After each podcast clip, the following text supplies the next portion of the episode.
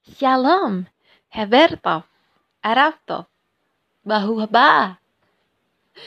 Oke guys, jadi hari ini aku mau buat uh, segmen uh, atau episode untuk belajar bahasa Ibrani. Aku juga mau belajar bahasa yang lain seperti bahasa Jerman, bahasa Inggris dan juga bahasa aku sendiri ya bahasa Indonesia ya mungkin ini agak sulit tapi ya kalau aku berusaha dan terus belajar aku pasti bisa.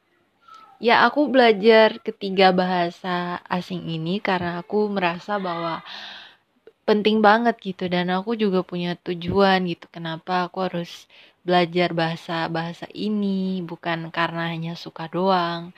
Jadi ya semoga proses belajar aku ini berhasil dengan lancar dan baik-baik saja Sekian dan terima kasih. Bye bye.